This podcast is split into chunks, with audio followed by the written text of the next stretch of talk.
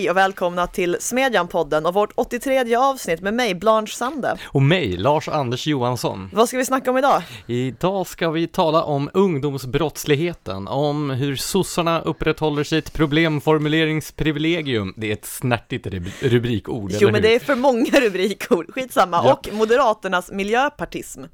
Ja, precis. Men först veckans nyheter. Ja, till att börja med så måste jag ju, eftersom vi spelar in här en tisdag den 19 november, passa på att gratulera dig på internationella mansdagen. Hur har du firat? Tack, det känns bra, välförtjänt framförallt känns det. Eh, ett år av eh, manlighet har löpt till ända. Ja, nu inleder jag det. Ja, ja, nej, men jag började, det började med frukost på sängen i morse och eh, sen öppnade jag några telegram och tog emot några blombud bud. Och sen började då köerna av gratulanter att ringla långa. Så att jag hade ju förberett med smörgåstårta och kaffe och sådär i, i köket. Och sen satt jag i min länstol i vardagsrummet och tog emot alla som som, och sen så följde ju sig naturligt då att på vägen in till jobbet så stannade jag till hemma hos några andra män som jag känner och lämnade över presenter och blommor eller liknande för att gratulera dem också. Ja men det här är ju beviset på det här att patriarkatet sitter och håller varandra om ryggen och bara sitter och göttar sig åt att vara män liksom. Så här håller ju inte kvinnor på. Nej, och sen blir det ju då, ikväll blir det bastu och en bättre middag och, och sådär för att Ja, ja men manligt. Ja, Just. väldigt, väldigt Trevligt, jag är väldigt glad för din skull. Jo. Ja. Eh, hur har du firat? Nej men jag har ju firat med att skicka 15 telegram till dig och gratulera dig på internationella mansdagen, ett par blombud också. Ja, nej men det, det, är väldigt uppskattat. Det är sånt som gör att det känns roligt att gå till jobbet sen framåt lunch. Eh, men du har istället firat eh, fäderneslandsförsvararens dag. Kan du inte berätta om den här traditionen? Är det något skånskt? Nej, nej. Alltså jag försökte ju ta reda på vem som kom på det här med internationella mansdagen. Internationella kvinnodagen är ju en gammal kommunistgrej. Eh, internationella mansdagen hittar jag inte så mycket om. Jag såg någonstans att Unesco tydligen stödjer den på något vis. Men däremot när jag gick in på internationella mansdagens Wikipedia-sida så stod det direkt under rubriken ej att förväxla med fäderneslandsförsvararens dag. Som alla trodde, alltså alla ni som trodde att det här var fäderneslandsförsvararens dag och inte internationella mansdagen, så vill jag bara vara tydlig med att det är då mansdagen som Lars-Anders har firat. Ja, alltså det, det blir lite skevt om man har vidtagit alla mått och steg för att fira fäderneslandsförsvararens dag och så är man på väg till ett mansdagsfirande i själva verket. Det är ju... Jag alltså, hatar när det händer. Jag tänker på det, är det inte i Bridget Jones Diary där hon tror att hon ska på maskerad och kommer utklädd till en fest på jobbet där ingen annan är utklädd. Det är något sånt. Det låter, det låter bekant, finns även liknande fenomen i eh, vad heter det, Mean Girls, kultfilm. Men hur firar man fäderneslandsförsvararens dag? Alltså jag, jag hann inte så långt i min Wikipedia research, men det är någon sorts, eh, det, det firas i en massa gamla Sovjetrepubliker, så jag, jag antar att det är någon sovjetisk grej. Man kanske firar med en schysst parad på Leninavenyn. Eh, och vi håller oss kvar lite grann vid eh, högtidstemat, för eh, i förra veckan teamade nämligen Singles Day, ett fenomen som jag faktiskt inte ens kände till att det existerade förrän i förra veckan. Kan du berätta lite mer om det här? Det kommer från Kina ursprungligen va? Gör det? Jag alltså, tror det. Allt kommer från kommuniststater men alltså, då, tydligen. Då stämmer, ju, då stämmer ju min konspirationsteori kring det här. För alltså, jag ser det här skyltarna med så här, singles day, kom och shoppa en massa saker på rea, alla singlar. Och så känner jag, det här måste vara en kommunistisk konspiration för att få folk att hata kapitalismen. Alltså, nej men så här, tänk på hur folk reagerar på alla hjärtans dag. Den här eviga kritiken att så här, ja, företag signalerar att man måste köpa så här jättefancy chokladpraliner i sammetstäckta hjärtformade askar för att visa sin upp... Alltså om min man lyssnar på det här så vill jag fortfarande ha de här chokladpralinerna på alla hjärtans dag, så det är inte det jag säger. Men det uppfattas ju fortfarande som att företag signalerar att det här är någonting man behöver göra för att visa uppskattning för någon och så kapitalisera det på det och så vidare. Jag uppfattar lite dubbla signaler här. Jo, jag vet, jag vet, men hellre dubbla signaler än entydiga signaler på att jag inte ville ha chokladpraliner. Så hur som helst, Singles Day är ju att ta det här så många steg värre, för då är det inte ens så här visa uppskattning och så får vi lite pengar för det, utan vad man skickar ut för signaler är ju så här, hej, hej alla ensamma människor, kom och dränk era sorger i tröstshopping. Alltså det är ju sånt som får folk att tycka illa om consumerism och företag typ. Men jag tycker också att det är lite så här falsk marknadsföring eller vad man ska säga eftersom de här rabatterna som finns på Singles Day, de omfattas ju även av eh, personer som är i stadiga förhållanden. Alltså nu har jag inte testat att Singles Day shoppa, men jag kanske borde göra det och se om någon kontrollerar mig. Ja, men eh, slutsatsen är alltså att alla högtider i grund och botten är kommunism, eller? Nej, inte de kristna högtiderna. Okej, okay. bra, då har vi rätt ut det. Eh, en eh, annan person som har gjort sig utmärkt bemärkt i veckan är ju statsminister Stefan Löfven som framträdde i SVTs Agenda och blev ansatt angående den här, de här eh, morden och skjutningarna och sprängningarna och allt annat som då sliter vårt land i stycken. Och, Vad sa eh, han för begåvade och genomtänkta saker om det? Nej, men om man läser eh, pressreaktionerna på Löfvens framträdande så gjorde han inte en särskilt imponer ett imponerande intryck. Och eh, jag fäste mig väl vid det som eh, Vidar Andersson då på Socialdemokratiska Folkbladet konstaterade att det var väldigt märkligt hur, hur då Eh, statsministern eller då Socialdemokraternas partiordförande. Det är ju alltid svårt med Löfven att veta i vilken roll han uttalar sig, för att ibland hävdar han ju att han uttalar sig just i egenskap av partiledare och ibland som statsminister. Och jag tror ju att vi hade behövt lite mer av statsminister och lite mindre av partiledare. Hur som helst, som Vidar Andersson då konstaterade så var det märkligt att Löfven i den här intervjun helt tycktes ducka kopplingarna till migrations och integrations Eh, problematiken, trots att han ju tidigare i intervjuer har varit ute och uttalat sig i de frågorna, så det skulle ju inte innebära en positionsförflyttning från hans sida att göra det ännu en gång. Men istället så verkade det mest som att han försökte slingra sig ur de liksom, mer svåra aspekterna av den här problematiken. Och ja, jag tror varken att eh, partiledaren Stefan Löfven eller statsministern Stefan Löfven gynnades av det här framträdandet. Nej, det skulle väl möjligen vara om det underlättar hans relation till regeringspartnern, men det, det är väl vad jag kan tänka mig. Jag tror det var dåligt. En annan dålig sak är ju då att eh, poddaren och föreläsaren och och eh, mångsysslaren Navid Modiri då blev utslängd, alltså inte fysiskt utslängd utan eh, avbokad från en eh, evenemangsarena som heter Moriska paviljongen i Malmö eftersom han där skulle hålla ett sånt här livepodd-framträdande. Jag har för mig att eh, Mustafa Panshiri och och eh, Kallis Amid eh, skulle medverka där. Men det var inte det som var problemet, utan problemet var att även då Jimmy Åkesson, som är partiledare för ett parti som heter Sverigedemokraterna, som ju har varit i viss medieskugga under senare år, också ja. skulle medverka där. Och det blev tydligen för mycket för det här etablissemanget, så man avbokade helt enkelt Navid Modiri. Och det här har fått väldigt stort genomslag i medierna, den här, det här försöket deplattformisering. Men tydligen så ska evenemanget genomföras ändå, men eh, på Malmö Live som är den här eh, kommunala multi-event-arenan i Malmö. Vad angav Moriskan för skäl till det här? Var det den här klassiska säkerhets, eh, vår säkerhetsutrustning eller så tillåter inte det här? Eller? Jag är osäker. Jag tyckte att de verkade sväva på målet, åtminstone av de artiklar som jag läste i i ämnet. Men det är uppenbart att deplattformiseringsstrategin lever i högsta välmåga. Däremot är det ju glädjande att den inte verkade fungera i det här fallet. Men så det här är ju till och med by proxy deplattformisering. Man deplattformiserar ju inte ens Jimmy Åkesson utan podden som har bjudit in honom att medverka. Så det är liksom andrahands, ja det har ju gått längre helt enkelt. Ehm, och för den som vill läsa mer om deplattformisering så rekommenderar jag min egen text för, från någon månad tillbaka om hur då eh, vänsteretablissemanget i Storbritannien försökte sig på att deplattformisera den eh, konservativa filosofen och opinionsbildaren eh, och författaren Roger Scruton, men eh, gick bet. Där fick det. Den heter Deplattformiseringen som gick bet.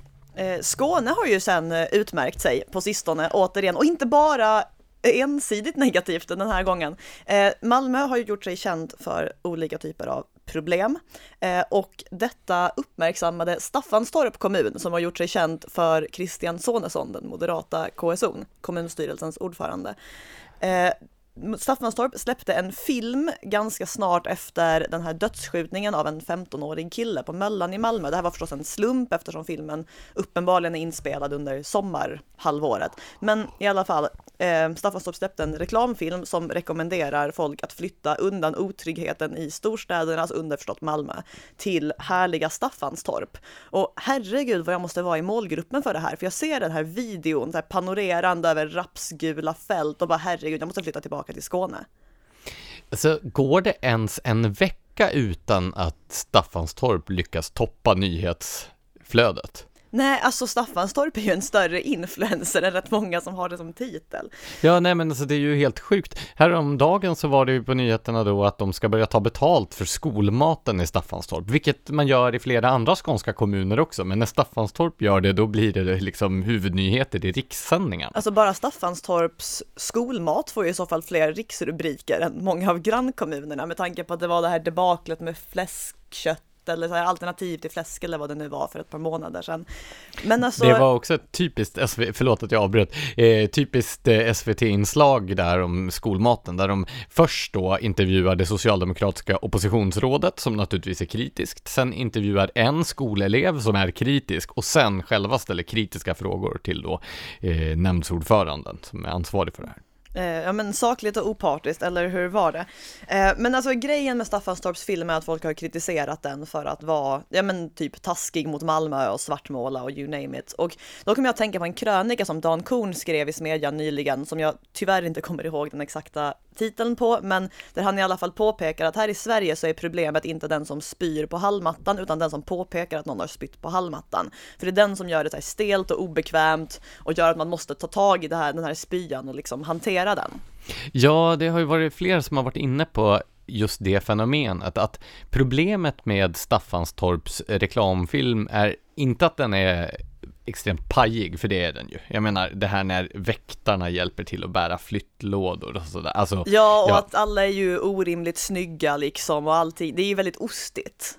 Men det är ju inte det som är det grundläggande problemet och problemet är ju inte heller att då människor eh, gör den här typen, det är väl det här som kallas för white flight, det vill säga när folk flyttar flyttar från invandrartäta eller socialt utsatta områden till villakommuner runt omkring. Utan problemet är att man faktiskt lyfter fram det här. Folk vill kunna göra det här med gott samvete. För jag menar, flera av de som kritiserar detta, det var ju någon vars namn jag nu har glömt som skrev en debattartikel om detta och som, där det i debattartikeln framgick att vederbörande själv hade flyttat till Staffanstorp från Malmö. Så det kändes ju väldigt mycket som att det var liksom hela glaskvarter som rämnade där för stenarna. Ja men alltså ingen vill ju tänka på sig själv som ändra så här, den som överger platsen där man bor för att man är rädd för någonting eller att man så här, flyttar ut till en ja, men så här, en ort som Staffanstorp för att där bor jag bland människor som är som jag så kan jag känna mig trygg typ. Men det är ju vad det gör och så blir det jätteupprörda av att konfronteras med den här verkligheten. Ja, Eh, fler eh, mediehändelser i veckan då. Den amerikanska rapparen ASAP Rocky har bestämt sig för att frångå sitt tidigare beslut att aldrig mer komma till Sverige och helt enkelt komma tillbaka till Sverige för att framträda. Och eh, jag tror det var den 11 december han kommer att uppträda. Ja, ehm. och Smedjan har ju redan gett honom ganska mycket medieuppmärksamhet, så varför inte fortsätta med detta? Ja, vi väntar oss ju nu VIP-biljetter i utbyte förstås. Jag tror faktiskt att det var årets mest lästa artikel, den som jag skrev med den tillspetsade rubriken Ett välförtjänt kokstryk, som då handlade om eh, den här misshandeln som ASAP Rocky och hans entourage utförde på två personer som hade trakasserat dem på öppen gata i Stockholm. Eh, hela den där historien slutade ju då med något slags sån här typisk svensk kompromiss där ASAP Rocky dömdes så att alla de, liksom hela präktighetskadern kunde vara nöjda, men han dömdes till villkorligt, vilket betydde att han överhuvudtaget inte drabbades av några som helst konsekvenser och kunde åka därifrån. Alltså han fick ju ändå den så här autentiska svenska upplevelsen måste man säga. Jo, och så fick han ju kaviarfisk i häktet också att äta. Va? Jo, men minns du inte det, att det var ju ute Jo just det, han de här, hatade ju maten i häktet De där menyerna publicerades ju som fanns på Kronobergshäktet Hur som helst, eh, han har ju fått eh, extremt stort genomslag i Sverige, så han gör ju förmodligen klokt i att återvända hit. Många som aldrig hade hört talas om honom tidigare kommer förmodligen att gå dit och lyssna. Eller vad tror du? Ja, alltså det upplyftande i sammanhanget är ju att det stämmer ju inte som det sägs att en artist måste dö för att bli riktigt känd, utan det räcker ju med att åka fast för misshandel i Sverige. Och dömas till villkorlig dom. Precis, då är man tuff. Ska vi dra de texter vi har publicerat de senaste två veckorna sedan vi spelade in ett ordinarie avsnitt senast? Ja, eller vi kan åtminstone ta ett litet urval av dem. Till exempel Tobias Samuelssons andra text från hans Ungernresa. Den som har rubriken Europa har en akademisk frihetskris, där han då eh, beskriver problematiken kring det här eh, och vad heter det, universitetet i Budapest som George Soros har varit med och eh, Ja, det heter finansierat. någonting med så här europeisk Ja, precis. Ja. Men det handlar i alla fall om den eh, krisen för den akademiska friheten i Ungern. Så Precis. det rekommenderar vi. Han har träffat både prorektorn för det här universitetet som håller på att flytta och en representant från Viktor Orban av en ändå aningen frispråkig karaktär, så det är en bra text att läsa.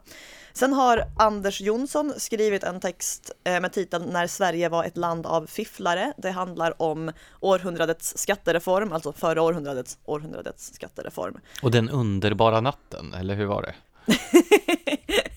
Ja, det var någonting med att folkpartisten som ändå yttrade eller konfronterades med den här formuleringen var så frikyrklig att det nästan blev lite ekivokt, typ. Ändå lite fint. Det handlar alltså om nattliga överläggningar om skattepolitik.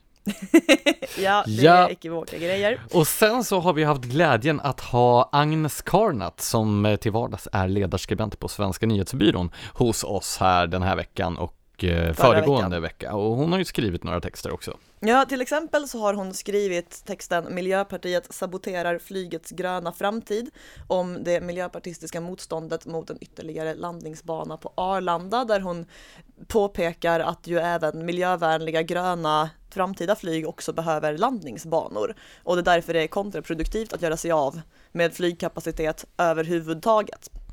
Ja, och sedan har hon också skrivit om något som kallas för ett upphandlat fondtorg. Vad är det? Så jag fattar inte hur hon kan läsa orden upphandlat fondtorg och känna det här vill jag sätta mig in mer i. Men jag beundrar det. Det här handlar alltså om det fondtorg på vilket eh, premiepensionssparare kan välja vilken fond de vill spara sina pensionspengar i. Eh, och nu ligger alltså någon sorts förslag på bordet att eh, det ska upphandlas vilka fonder som får finnas på det här torget och vilka som inte får det. Eh, jag tänker ge upp försöken att förklara det här nu och bara hänvisa till Agnes text. Kväv inte pensionsspararnas valfrihet.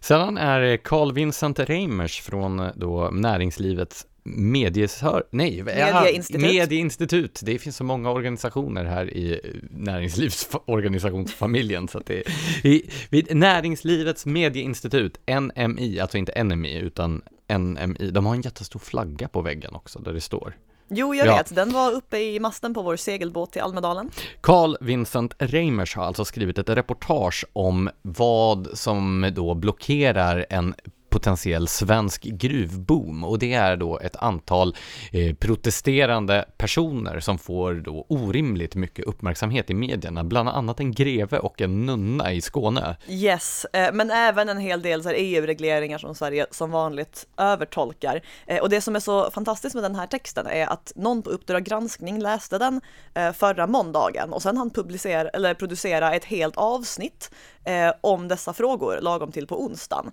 Eh, Så det visar ju vilket genomslag smedjan har för Uppdrag granskning. Ja, eller hur?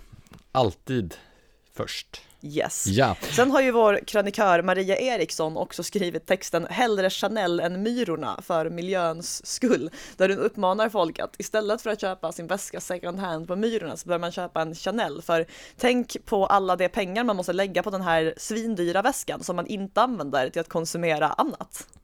Fast då infinner sig frågan, de här pengarna hamnar ju i någons fickor, Va, vad gör vederbörande med pengarna?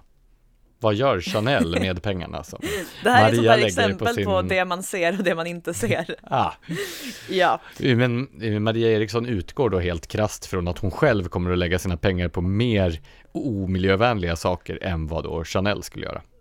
ja, jag antar det även om det inte står explicit i texten, men värd text att läsa hur som helst. Ska vi ta och komma in på dagens första ämne? Ja, och det är ju ditt ämne, det upplyftande temat ungdomsbrottsligheten och att eh, det offentliga Sverige är alldeles för mjäkigt avseende detta.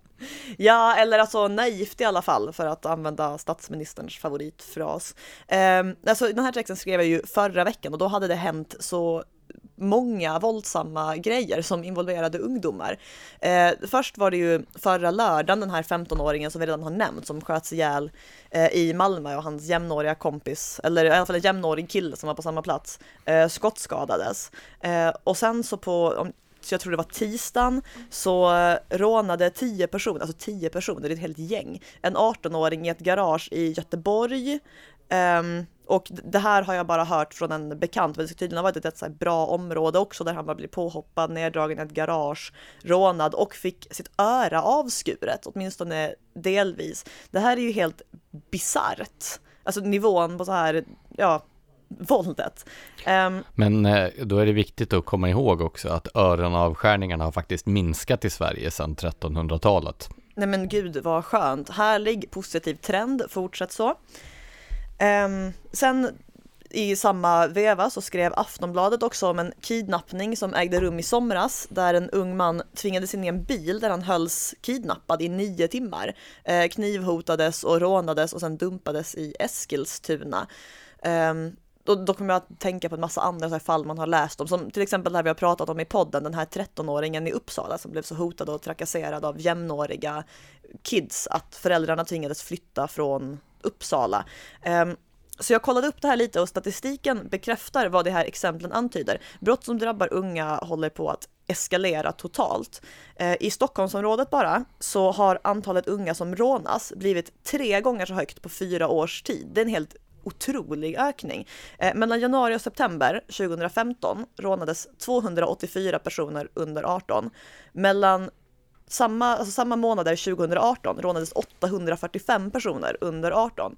Så att det går neråt snabbt. Eh, och i artikeln när jag läste om det här så kommenterade eh, den biträdande regionpolischefen Pia Sjunnegård Dahlbom att det typiska när unga rånas är också att förövarna är unga. Hon nämnde så 15 till 17 år som ett normalt åldersspann. Och så påpekade hon även att rånen brukar vara hänsynslösa.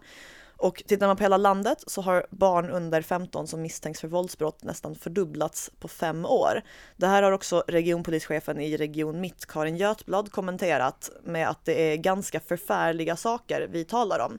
Och det stämmer ju, det är förfärliga saker och sättet vi talar om dem gör verkligen inte saken bättre. Alltså det här har vi ju diskuterat tidigare, men vi har en otroligt naiv syn på brottslingar i Sverige. Vi ser dem som offer för ett kallt, hårt samhälle som har så här, stött ut dem och tvingat dem att leva ett kriminellt liv och får det bara hjälp och så här, välkomnas tillbaka in så kommer allting att lösa sig. Eh, och här kombineras ju det med en kanske lite mer förståelig men ändå naiv syn på barn som så här inneboende, goda och bra människor. Och det, alltså det visar ju både exemplen och statistiken här att det är barn inte per automatik. Alltså en hel del av det här verkar ju vara helt empatistörda.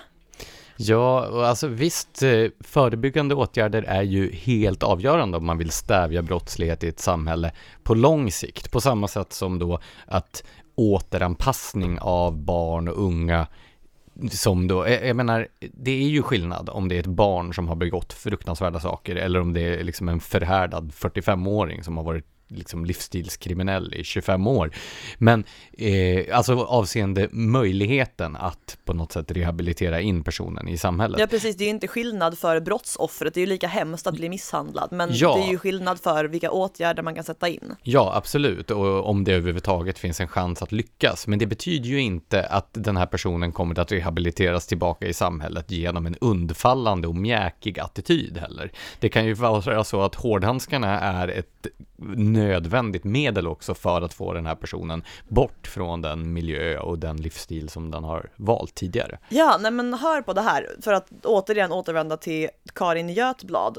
Hon tyckte så här, här måste det, nu citerar jag, här måste det in mycket kraftfullare insatser. Följ upp i skola och socialtjänst och in med resurser till familjer. Alltså på riktigt, hur är det kraftfullare insatser? Alltså resurser till familjer och socialtjänst eh, när vi snackar om så här typ 13-åringar som mordhotar folk. Det är, alltså, det är otroligt naivt. Eller regeringens utspel Ja. att man ska kunna tvinga unga brottslingar till stöd och samtalsbehandling utan föräldrarnas samtycke. Alltså samtalsbehandling är en förebyggande åtgärd. Alltså så här, jag tror inte att problemet är de här konkreta förslagen i sig själva, utan problemet blir när man lägger fram de här som exempel på kraftfullare insatser. Egentligen tror jag att man ska, om, om man ska vara liksom välvillig när man tolkar det här, ska man lä, eh, läsa det som att det behövs kraftfullare insatser och de här sakerna. Men eftersom de formulerar det på det här sättet så blir det då som att det här skulle vara exempel på kraftfullare insatser och det här är inte kraftfulla insatser. Nej, alltså jag har ju inte sett regeringen lägga något förslag om någon kraftfullare insats än att kunna genomföra samtalsbehandling utan föräldrarnas samtycke, vilket faktiskt i sammanhanget är direkt löjligt. Alltså, nej men okej, okej, för att vara riktigt välvillig, det kan finnas enstaka av de här barnen som begår den här sortens grova rån som kan knuffas i rätt riktning av ett samtal med en jättebra socialsekreterare. Men alltså man är verkligen naiv om man tror att det barnen är i majoritet. Sen är det, alltså det är svårt att säga vad som är rätt insats när det handlar om barn, framförallt när det är en grupp alltså med personer mellan sig 13 och 17 år. Det skiljer sig ju åt enormt mycket. Alltså vad man kan konstatera i alla fall att den här straffrabatten som finns är orimlig. Alltså att en 15-åring som gör någonting förskräckligt mot en annan människa inte behöver sitta av mer än en femtedel av sitt straff är ju Nej men så här, det får ju dem att skratta rättsväsendet i ansiktet och man kan typ förstå dem. Samma sak med så 18-åringar som är myndiga och ändå bara behöver sitta av halva sina straff. Alltså det är ju direkt naivt. Men sen, alltså jag är så kluven till det här för att å ena sidan kan man ju inte Alltså man kan ju inte se en 13-årig kriminell på samma sätt som en 20-årig kriminell. Och liksom det kan till och med hända att barn i mycket högre utsträckning än vuxna människor faktiskt är offer för omständigheterna på det här sättet som vi ser kriminella på. Alltså det finns ju en sorts skolgårdslogik där man ofta måste välja mellan att så här, vara en mobbare eller bli mobbad. Ja, så här, då kan det vara rimligt i rent självförsvarssyfte att välja att bli en mobbare och ja, det här är ju förstås grövre saker vi snackar om, men fortfarande. Å andra sidan så kan man inte låtsas som att det här är någonting man kan åtgärda med samtalsbehandling. Så egentligen, jag, så här, jag har inte någon sorts perfekt metod ut att föreslå för att komma till rätta med det här, men jag tycker att någon vars jobb det är att komma till rätta med det här borde sluta vara så himla naiv, utan se det här för vad det är. Ord. Vi borde börja avsluta alla våra segment på det sättet. Det känns som att vi faktiskt gör det. Det är nog mest du. hur som helst, du har skrivit en text om hur Socialdemokraterna listigt sitter där och spelar ut liberaler och konservativa mot varandra. Hur går det till? Alltså, egentligen så kanske det inte ens är så, det är nog ännu värre. Det är, eh, det är inte ens listigt. nej men det är liberaler och konservativa som spelar ut sig själva mot varandra och liksom på så sätt gynnar Socialdemokraterna. Jag ska förklara vad jag menar.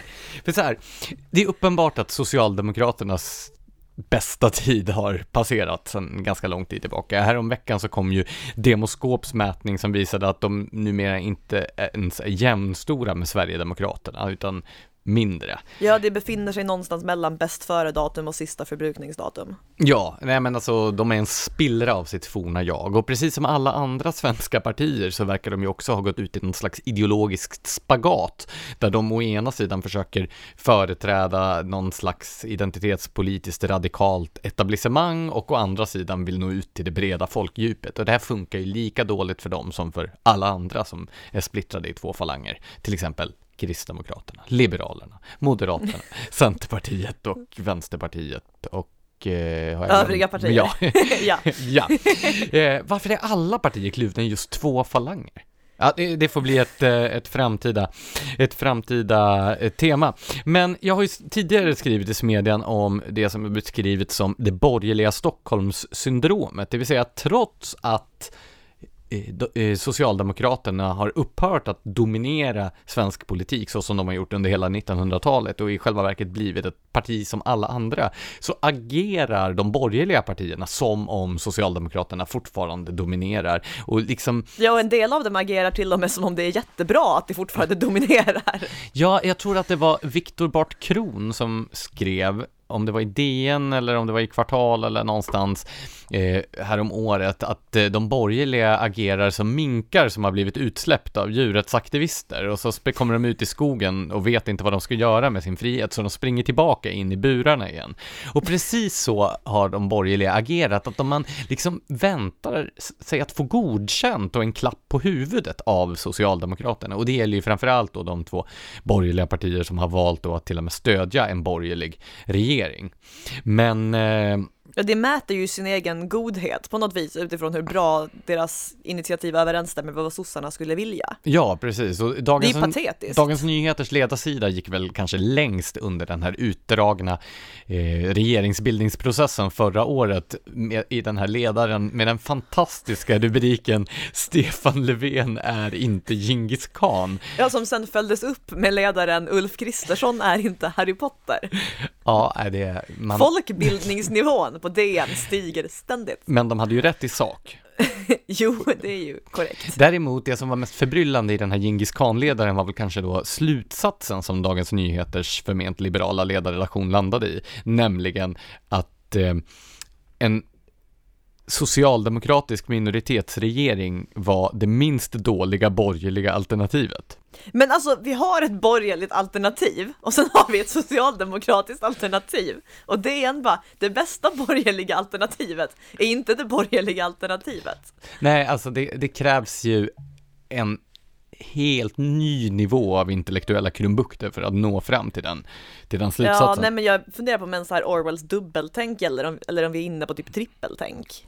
Och alltså så här, delvis handlar ju detta naturligtvis om att Socialdemokraterna är jag menar, Sveriges, kanske världens mest machiavelliska parti när det gäller den här typen av, av maktspel. Men i stor utsträckning tror jag också att de borgerliga har sig själva att skylla. Och det som min text fokuserar på den här gången är just en tendens i den inomborgerliga debatten, nämligen framförallt den då som utspelar sig mellan en grupp som identifierar sig som liberaler och en grupp som identifierar sig som konservativa.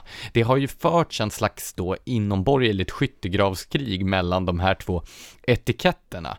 Och jag har också tidigare skrivit om att det här är ju en falsk motsättning eftersom det finns ju former av liberalism och former av konservatism som funkar jättebra att kombinera. Konservatism är ju motpolen till radikalism och liberalism är motpolen till då, ja men auktoritär kollektivism. Och alla liberaler är inte radikala och alla konservativa är inte auktoritära, vad en galtanskalan säger. Ja, precis. Så det här är en falsk motsättning, men som underblåses av personer som då har någonting att vinna på att man splittrar borgerligheten till exempel socialdemokrater.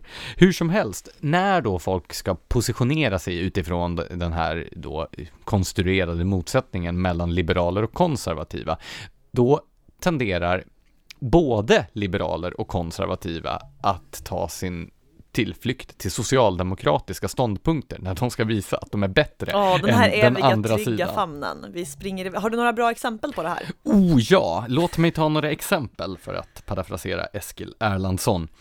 när... Nej men alltså! alltså jag, jag, jag, jag, tänkte inte ta just de exemplen. Tack, tack. Tänk... Ta några helt annorlunda, diametralt motsatta exempel och dra dem nu.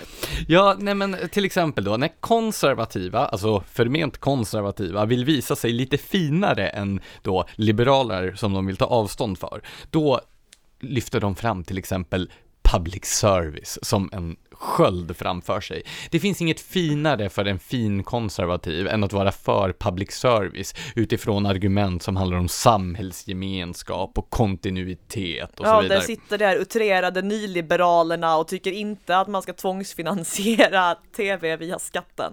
Precis, vi vill väl inte ha det som i USA brukar argumentet låta.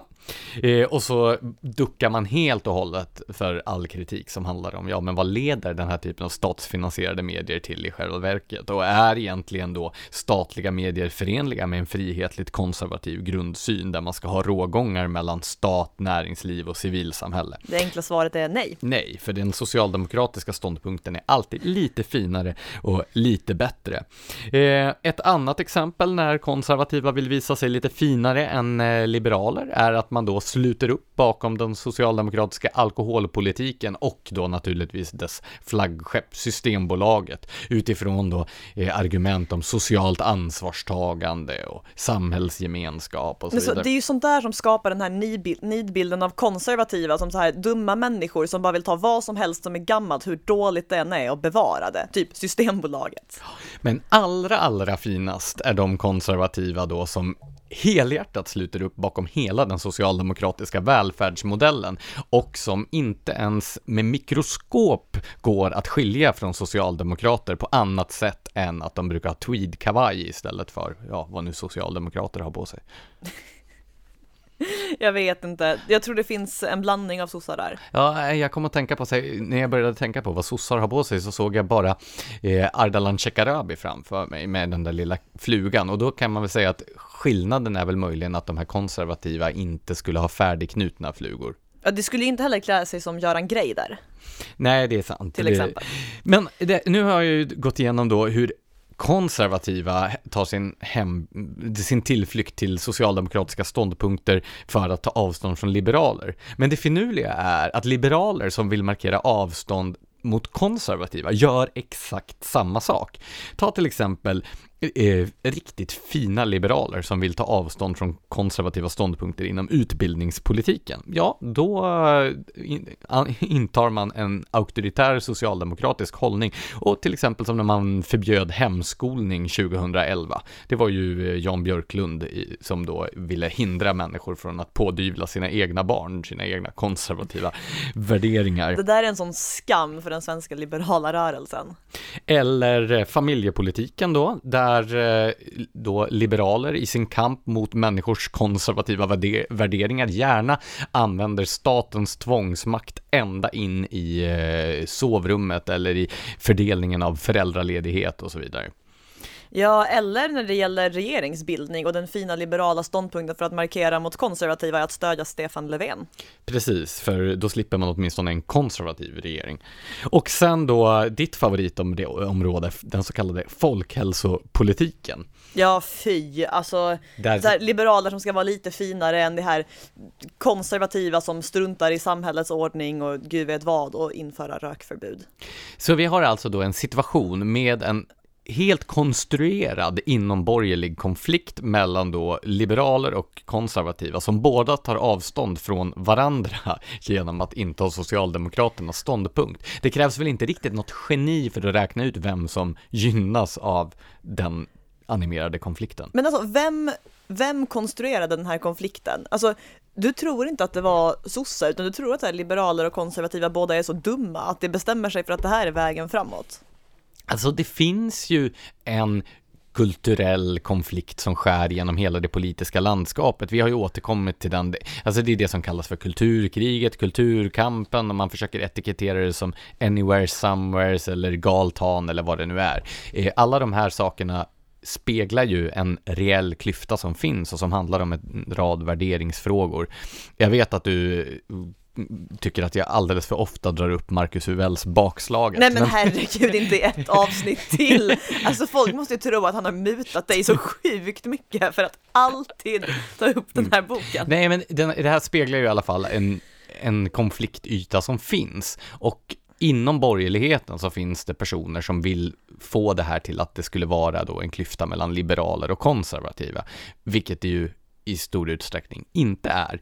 Men de som vill att borgerligheten ska splittras och framförallt då de som gärna vill att eh, borgerligheten ska vara något slags stödhjul just till Socialdemokraterna, de har ju allt att vinna på att den här bilden upprätthålls. Och kanske så tycker samma personer att det inte heller är något problem att inta då socialdemokratiska ståndpunkter i alla de här sakfrågorna. Ja, jag tänkte just lyfta en så här tredje förklaringsmodell och det är ju att både svenska socialdemokrater, svenska liberaler och svenska konservativa helt enkelt är väldigt sossiga allihopa.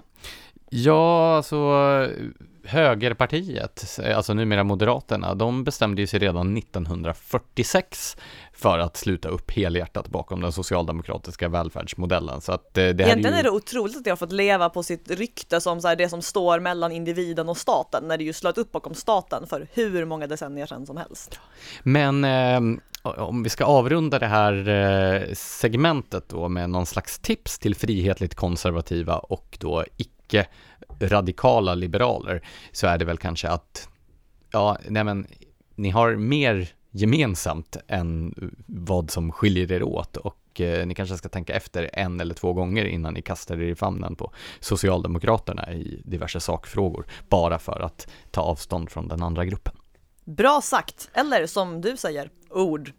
Så eh, vi håller oss kvar då lite grann vid Moderaterna och här kan man väl säga att det blir lite av en fallstudie av det som, eh, det som jag har beskrivit i min metakrönika som vi just har diskuterat. Du har ju då skrivit specifikt om Moderaternas miljöpolitik med utgångspunkt... Eller Moderaternas miljöpartism. Precis. Eh, utgångspunkten var då en intervju i Expressen TV med partiordföranden Ulf Kristersson som då la ut texten om sin syn på klimat ja. miljöpolitik. Precis. Ehm, och alltså mycket av det han sa där var ju rimligt för en liberalkonservativ att säga. Han var för en utbyggnad av kärnkraften, vilket ju är ja, men så nära en ödesfråga vi kommer i sammanhanget. Det är ju ett ord man missbrukar, men det är en otroligt viktig fråga. Eh, han tog ställning för viltkött som ett bra miljömedvetet sätt att äta. nu sitter Lars Anders och ser så himla nöjd ut. Jag blev hungrig. Jo, eh, Kristersson eh, eh, tog ställning för att sänka bensinskatten eh, och allting lät liksom bra. Och sen kom den här frågan, ska privatbilism förbjudas i svenska storstäder? För det första, det här är så symptomatiskt för den här smygauktoritära klimatdebatten vi har, där så här sakfrågorna man tar upp är alltid så här, hur mycket ska vi kunna förbjuda det ena och det andra som gör människors liv bekväma och värda att leva? Men för det andra, så här, själva svaret från Kristersson, nu kommer jag att citera det. Förbjuda tror jag inte på, men det pågår ett arbete med miljözoner för att begränsa bilkörningen i städer. Den utvecklingen kommer att fortsätta är jag övertygad om. Vi kommer också att se mer av bilpooler som ökar effektiviteten. Men alltså miljözoner. Ja, men det här var ju ett ganska deskriptivt svar. Han tar ju inte riktigt ställning i svaret, snarare så duckar han ju själva sakfrågan. Fast alltså han lyfter ju upp det som alltså, han lyfter ju upp det i ett, för det första bara att han tar upp miljözoner i en, ett miljösammanhang är ju direkt vilseledande eftersom miljözoner är en Orwellsk term som inte har någonting med miljö att göra. Det motiveras med att göra inandningsluften renare och den är redan renare än den varit på hundra år. Så det här är inte liksom relaterat till miljö. Jo då. Det är ju Miljöpartiet som har föreslagit det. Åh, jo okej, okay. lite så här språkligt relaterat till ett parti med samma namn är det, men, men i alla fall. Sen för det andra, alltså han lutar ju han, som han formulerar det så ser han ju det som någonting bra att bilkörningen minskar i städer i klimatsammanhang, vilket är en problematisk ståndpunkt för någon som är partiledare för Moderaterna. Så du skulle säga att han duckar frågan, men han duckar den i en särskild riktning? så skulle man mycket riktigt kunna uttrycka det. Um, och alltså, det här, han säger också att den utvecklingen kommer att fortsätta, det är jag övertygad om. Ja, det beror ju på att det är hans parti som håller på och driver skiten. Förlåt, möget. Språket, Blanche. jo, jag vet. Jag vet, jag ber om ursäkt för det. Nej, men alltså. Smedjans redaktion tar avstånd från det här grova språkbruket. ena halvan av Smedjans redaktion tar avstånd från den andra halvan av Smedjans redaktions språkbruk. Men jag fortsätter ändå. Ehm, jag syftar såklart på Anna König Järlmyr som är moderat finansborgarråd i Stockholms stad. Eh, hon är en intressant fallstudie i det här sammanhanget. Eh, våren 2018 då beslutade den dåvarande regeringen, som ju också är den nuvarande regeringen och förmodligen den framtida regeringen den också. eviga regeringen. jo, tack. Eh, den beslutade att det skulle vara fritt fram för kommuner att införa så kallade miljözoner. Det är alltså områden i städer där man inte får köra med en dieselbil som inte är tillräckligt ny. Eh, då sa Anna König Järlmyr att det var ett populistiskt förslag, att det var ineffektivt i proportion till de samhällsekonomiska kostnaderna, att det nonchalerade hushållens eh, ekonomiska situation och att det var naivt att tro att polisen har tid och resurser att upprätthålla sådana zoner när det knappt mäktar med sexualbrott och bostadsinbrott. Det var väl bra sagt? Jo, jag tycker det och ännu bättre blev det när hon ordagrant sa till Dagens Industri, och nu citerar jag igen, vi kommer inte att införa miljözoner 2020. Det är ett tydligt tydligt vallöfte från vår sida. Vilken tur att Moderaterna då vann valet, eller? Jo, det var en enorm lättnad efter att en hel valrörelse så specifikt har kampanjat mot det miljöpartistiska trafikborgarrådet Daniel Heldens politik som involverade de här miljözonerna, eh, så skedde valet och därefter så eh, genomförde Moderaterna en politisk U-sväng valde, så här, gav Heldén chansen att sitta kvar i fyra år till och nu införs miljözoner från början av 2020. Grejen är nämligen att väljarnas intressen är intressanta när man ska få deras röster, men så fort man har fått rösterna så är man inte längre intresserad av att företräda sina väljare. Det här illustrerar att Moderaterna är helt of, alltså det är symptomatiskt för moderata politiker att vara helt oförmögna att förstå vad frågor som miljözoner betyder. Alltså, ja, det här är en symbolfråga, definitivt. Men poängen med symbolfrågor är att det symboliserar något större. Det ger uttryck för en världsbild och en verklighetsuppfattning och sånt bryr sig människor om. Det är därför det har så stor sprängkraft. Framför allt när det gäller frågor som ligger så nära människors vardag som till exempel rätten att köra sin egen bil på de gator man har betalat för. Um, och ännu mer när människor med rätta upplever sig vara motarbetade av i princip hela politikeretablissemanget. Det finns massor av exempel på den här sortens symbolfrågor som borde ha fått moderata politiker att fatta poängen med symbolfrågor och fatta hur viktiga det är. Du har ju skrivit om bensinupproret till exempel. Eh, vi har Nobelcentrum eh, där ju Moderaterna där har det ju gjort den motsatta usvängningen. Först så var det ju så viktigt att införa, eller att bygga det här Nobelcentrum mitt i Stockholm, att eh, väljare som inte gillade det uppmanades att väl, vända sig någon annanstans. Eh, sen kom då den här usvängen efter valet och Moderaterna, när det förlorat tillräckligt många röster på det, plötsligt bestämde sig för att kanske inte bygga Nobelcentrum ändå. Eh, jag kommer att tänka på ett till exempel apropå Anna Karlig Järlmyr. Hon åkte ju förra månaden ner till Köpenhamn för att skriva under Good Food Cities Declaration. Eh, och, och good food är vi ju bra, eh, eller är vi ju för. Ja, det är ju viltkött. Ja. Nej, det är ju inte det i det här sammanhanget. Alltså, vad det här bland annat går ut på är att medborgarna, i det här fallet i, alltså boende i Stockholm, ska fås att följa vad som kallas en planetärt hälsosam diet. Förlåt? jo, en planetärt hälsosam diet senast år 2030. Eh, du kan nog gissa vad det går ut på egentligen. Planetärt hälsosam diet? Ja, man ska äta mindre kött och mjölk helt enkelt. Och det här åkte då the mayor of Stockholm, the capital of Scandinavia, till Köpenhamn och skrev under på eget bevåg. Det är Ja, alltså intrycket man får när man eh, läser intervjuer och ser kommentarer från hennes borgerliga borgarrådskollegor är att det här verkar inte ha varit så förankrat bland dem. Alltså det är ganska många som har invänt mot det här.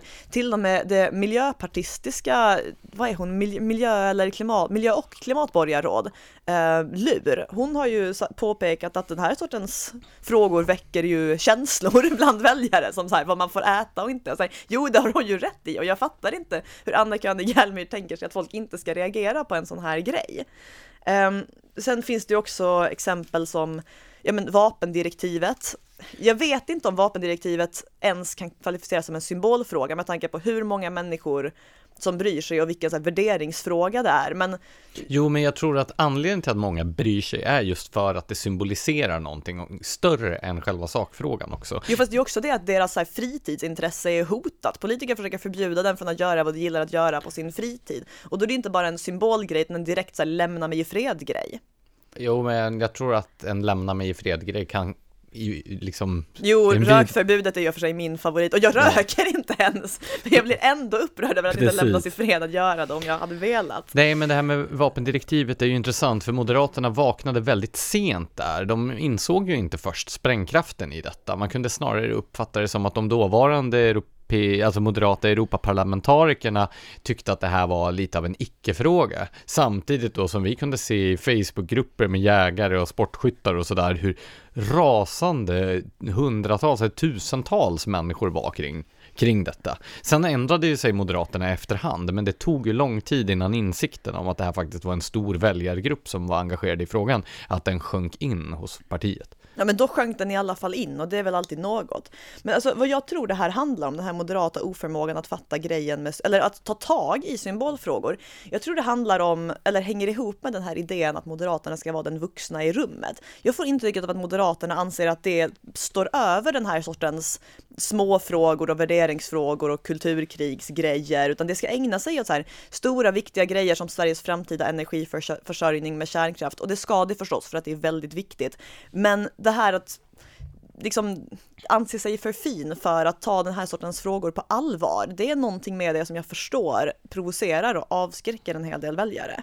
Ja, och jag såg ju det här under alliansåren på kulturpolitikens område. Jag jobbade ju fyra år med kulturpolitik på, på Timbro och jag uppfattade det som att Moderaterna, trots att de hade kulturdepartementet och en moderat kulturminister under åtta år, ändå inte ville ta någon form av konflikt på det kulturpolitiska området, utan där var direktiven från partiledningen att sitt still i båten, för att man uppfattade det som att konflikter på andra områden än de som var mest prioriterade, det skulle störa då det övergripande moderata projektet. Så jag tror att det här var en slags överideologi under alltså projektet De nya Moderaterna som utspelade sig på en lång rad om, politiska områden. Nej men det tror jag säkert. Public alltså, service-frågan är ju en sån också till exempel. Definitivt. Det är ju en stark symbolfråga. Det säger ju väldigt mycket om vad man har för syn på ja, men så här, statens befogenheter och rättigheter gentemot individerna, om man är för eller emot tvångsfinansierad statlig tv. Men för att återknyta till den här frågan om just miljözoner som Ulf Kristersson tog upp. Alltså, problemet är att genom att överge sina väljare, vilket ju är vad man gör om man ändå låter Miljöpartiet få sin vilja igenom eller till och med som Anna König Hjelmer aktivt hjälper Miljöpartiet att driva den här sortens politik. Då stöter Moderaterna bort väljare och då, alltså, vem ska då hjälpa dem att göra de här stora reformerna, till exempel ja, men som kärnkraften, om det samtidigt genom att ändra strunta i eller aktivt fatta dåliga beslut vad gäller små symbolfrågor skrämmer bort de väljare de skulle behöva för att genomföra den politiken de bryr sig om. Alltså, det är så dåligt genomtänkt. Och vad de signalerar genom att haka på de här miljözonerna, det är att så här, Miljöpartiets världsbild stämmer ju. Så här, det är ett problem med bilism och det är stora delar av ja, men det välstånd vi har och vi borde alla så här sluta åka så mycket bil och gärna sluta flyga och liksom backa från den här typen av välstånd. Och det gillar inte moderata väljare berättigat eftersom det är så här, på någon nivå är det ju ja, men så här, lite människofientligt att vilja att människor ska göra så mycket avkall det blir ju värre i en internationell kontext när vi snackar om så här, människor som lever under fattigdomsgränsen och så sitter det well-off politiker i Sverige och bara nej men vi tycker att vi bromsar utvecklingen här, nu är vi nöjda. Men även inom Sverige är det så ogint och missunnsamt och det provocerar, det provocerar mig, det provocerar väljare och Moderaterna borde verkligen lägga av med det. Ja, och för den som är intresserad av, då, av spelteori och det politiska spelet och kanske rent av är bekymrade över att Sverigedemokraterna har större opinionssiffror än Moderaterna så finns det ju skäl också att fundera på om det är då särskilt framgångsrikt att lämna hela frågekomplex då till Sverigedemokraterna, för de tycker ju att det är otroligt viktigt att fokusera på just de här, eh, då, det vi har beskrivit som symbolfrågor. Så det finns ju även ett strategiskt taktiskt skäl för Moderaterna att ta de här frågorna på allvar. Och med de orden lämnar vi både moderata och övriga lyssnare åt sina djupa tankar.